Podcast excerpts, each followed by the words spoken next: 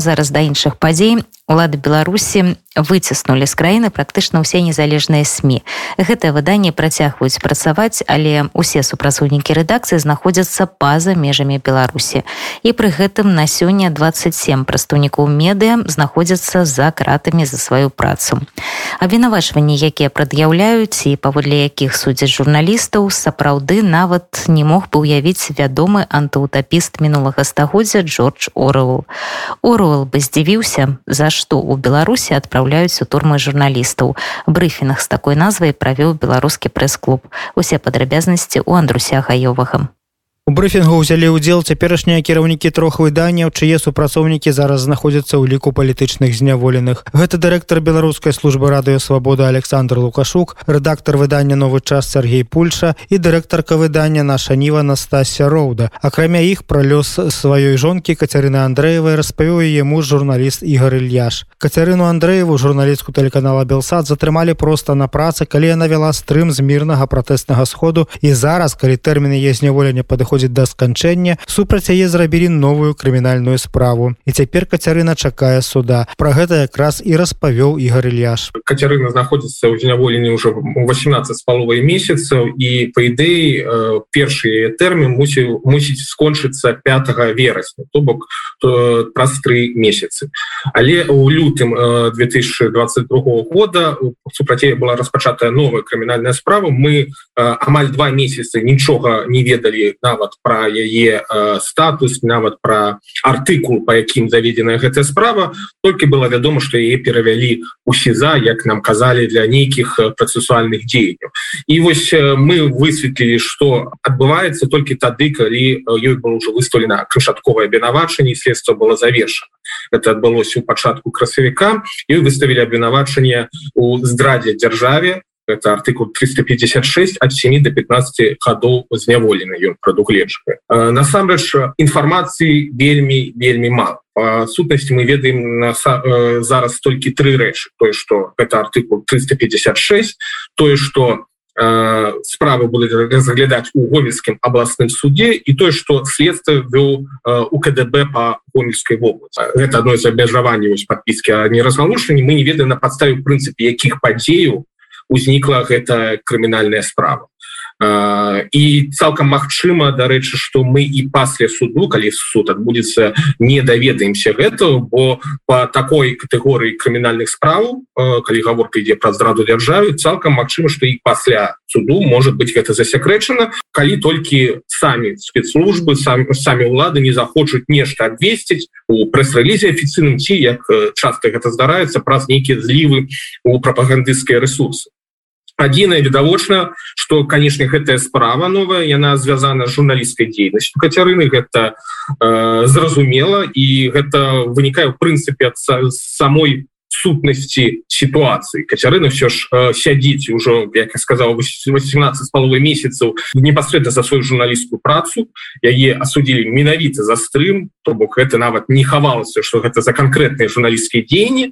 І э, натуральна нічога нового здарыцца за э, 18 з паловы месяца что можна было нацягнуць на здраду дзяржаве не, не гэта было просто немагчым зразумела что гэта зноў нейкая апеляцыя да і журналісцкай працы э, ранейшай да арышту э, что гэта конкретно мы э, на жаль не ведаем. Э, зараз э, ось калі э, на мы только даведаліся про тое что следство завершилось я выказывал меркаванне что хутчэй за все суд адбудзецца у траўні траўні месяцы але э, гэта такі быў разлік хутчэй змяркуючы з досведу э, першых справы тады от завершения следства от перадачи справа у суд до непосредственно першего судового поседжання э, прошел прыкладно месяц. И мы в принципе разлічивали и адвокаты про гэта таксама таксама так гэты прогноз агучвалі что хутчэй за всю траўні может нават в сярэдзіне траўні гэта адбудзецца этого не адбылося чамусьці справу э, зацягнуть э, э, прызначение даты суду?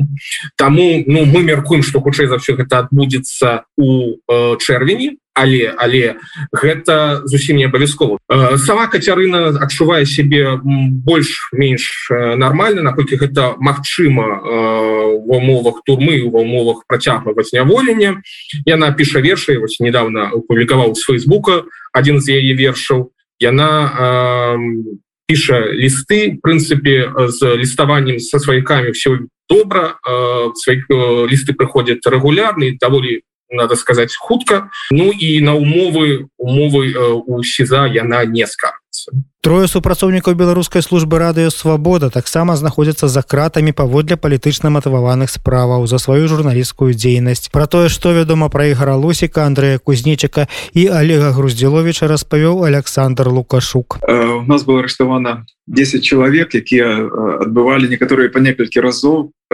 суткі штрафы ну і вось э, три э, вот эти э, прысуды 31 э, травня два дні тому верховный суд э, адхіліў э, апеляцыю ігора лосіка і іншых э, тых хто праходзіў по адным з ім працэсе і прысуд 18 гадоў турмы застаўся в сіле на этом тыдні ігра этапуюць из турмы у э, гомелі і Э, в нейкую колонию.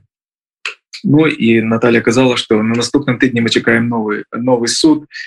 Для нас ён вельмі трывожны тому что абвінавачанне удзел у экстрэміскім фармаванні то з чым бальшыня незалежных сМ сутыкнулася менавіта в лістападзе з арышта пасля арышта Андрея термин этот і э, рашэнне прызнання свободы экстрэміскім э, СМ быў афіцыйна прыняты Ну этому папярэднічалі конечно разгром бюро пазбаўлення акрэдытацыі і тое что э, бальшыня журналістаў мусіла пакінуць краіну на сённяшні дзень калі мы сустракаемся тут у прайс-клубе 1180 дзён менавіта столькі дзён журналісцкай працы страціла рэдакцыя свабоды і тому что журналисты столькі провели у турме пачынаючы з два -го года 1180 дзён і кожны дзень этой э, эта лічба павялічваецца э, на три. Уже хутка будзе як працягласць другой сусветной войны.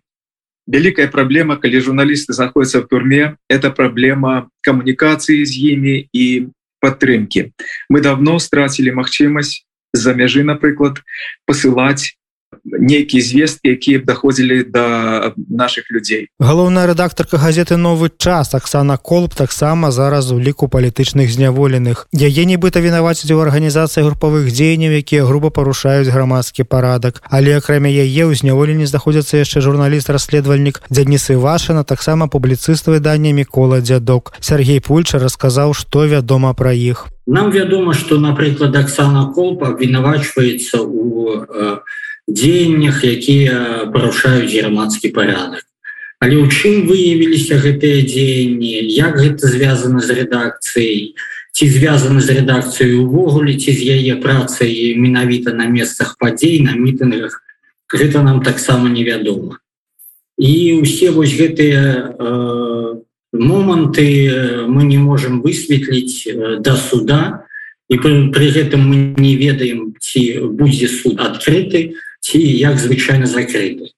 Прыкладна тое ж самае тычыцца і дзяніса івашина мы ведаем что яму выставілі невядомыя якія абвінавачванні напрыклад абвінавачванні у дыскрэдытацыі дзяржаўных асобаў што тычыцца міліцыянту але справа ў тым што івашин займаўся асінт расследаваннямі і э, гэта расследаванні якія прадугледжваюць э, э, скажем так узяццё інфармацыі з адкрытых крыніцаў то ён не мог э, выявіць там нейкай асаблівай таямніцы якая э, была скажем под грифом сакретна гэта ўсё адкрытая інфармацыя і таму выстаўленыя ян яму абвінавачванні э, гэта узятыя невядома адкуль ну прынамсі мы так лічым. Вот тая ж сітуацыя у міколы дзядка. Вядома что яго затрымалі не толькі за журналісцкую а больш і за грамадскую дзейнасць як актыўнага удзельніка анархічнага руху. Ад яго фактычна не даходзіць лісты.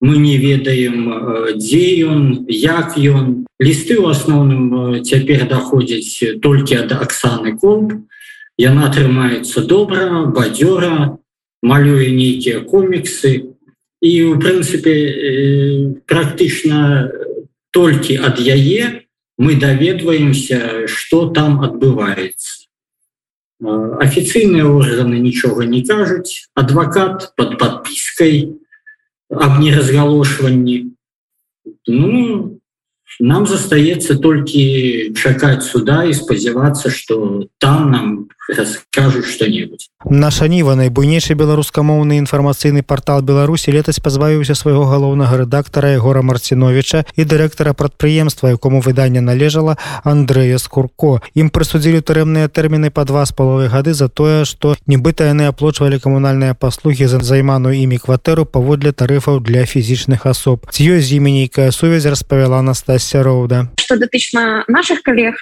у тым что іх адхілілі іх апеляцыю два з паловай гады калоніі застаюцца ўсілля і мы чакаем пакуль іх накіруюць непасрэдна ў калонію і ёсць спадзеў што можа быць адмовіцца перапіска з імі тому что што датычна наших коллег то на жаль у сеза з перапіскай было нашмат лепш зараз мы так разумеем что чуем ад людзей які ім пишутць лісты даходзяць толькі ад сваякоў а ўсе іншыя лісты на жаль дзесьці там выкідаюць у сметніцу хутчэй за ўсё Таму на жаль навін ад іх вельмі мала яны недавно сустрэліся сваімі сваякамі блізкімі гэта канечне вялікае шчасце побачыць іх яны выглядаюць ужо змучанымі.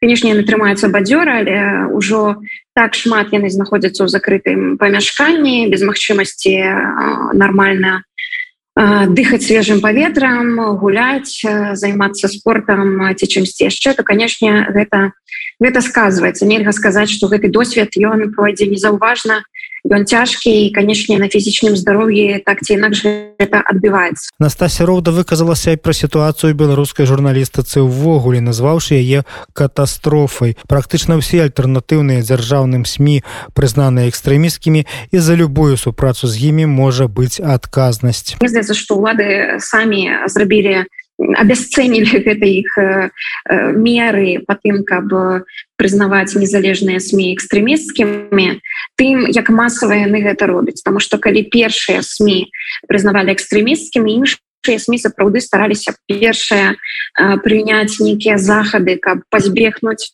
гэтага так трымацца нейкіх правілаў якія задавалі беларускія ўлады. Але калі экстрэмісцкімі прызнаныя ўсе то канечне ўсе гэтыя меры яны адпадаюць і ты просто працуеш так як ты працаваў да 2020 года. У тых стандартах которые вы самі давным-давно выпрацоўвалі адмаўлячыся ад усіх тых дурных і незразумелых абмежаванняў которые мы мусілі трымацца пакуль мы знаходзіліся ўнутры краіны зараз мы просто выпрацавалі для сябе журналісцкія стандарты которых стараемся прытрымліваць канечне в умовах цяперашніх калі з намі не гавораць дзяржаўныя службы не гавораць дзяржаўныя прадпрыемствы і ўвогуле все что датычна дзяржаўных установаў а у нас их вельмі шмат. У нас прыватных калі мы говорим про там службы некія яны все дзяржаўныя. І канечне гэта абмяжоўвае нас вельмі ў камунікацыі у інфармацыі у доступе. І гаварыць про аб'ектыўную нармальную журналістыку вельмі складана ў таких умовах там что мы хочам гаварыць але мы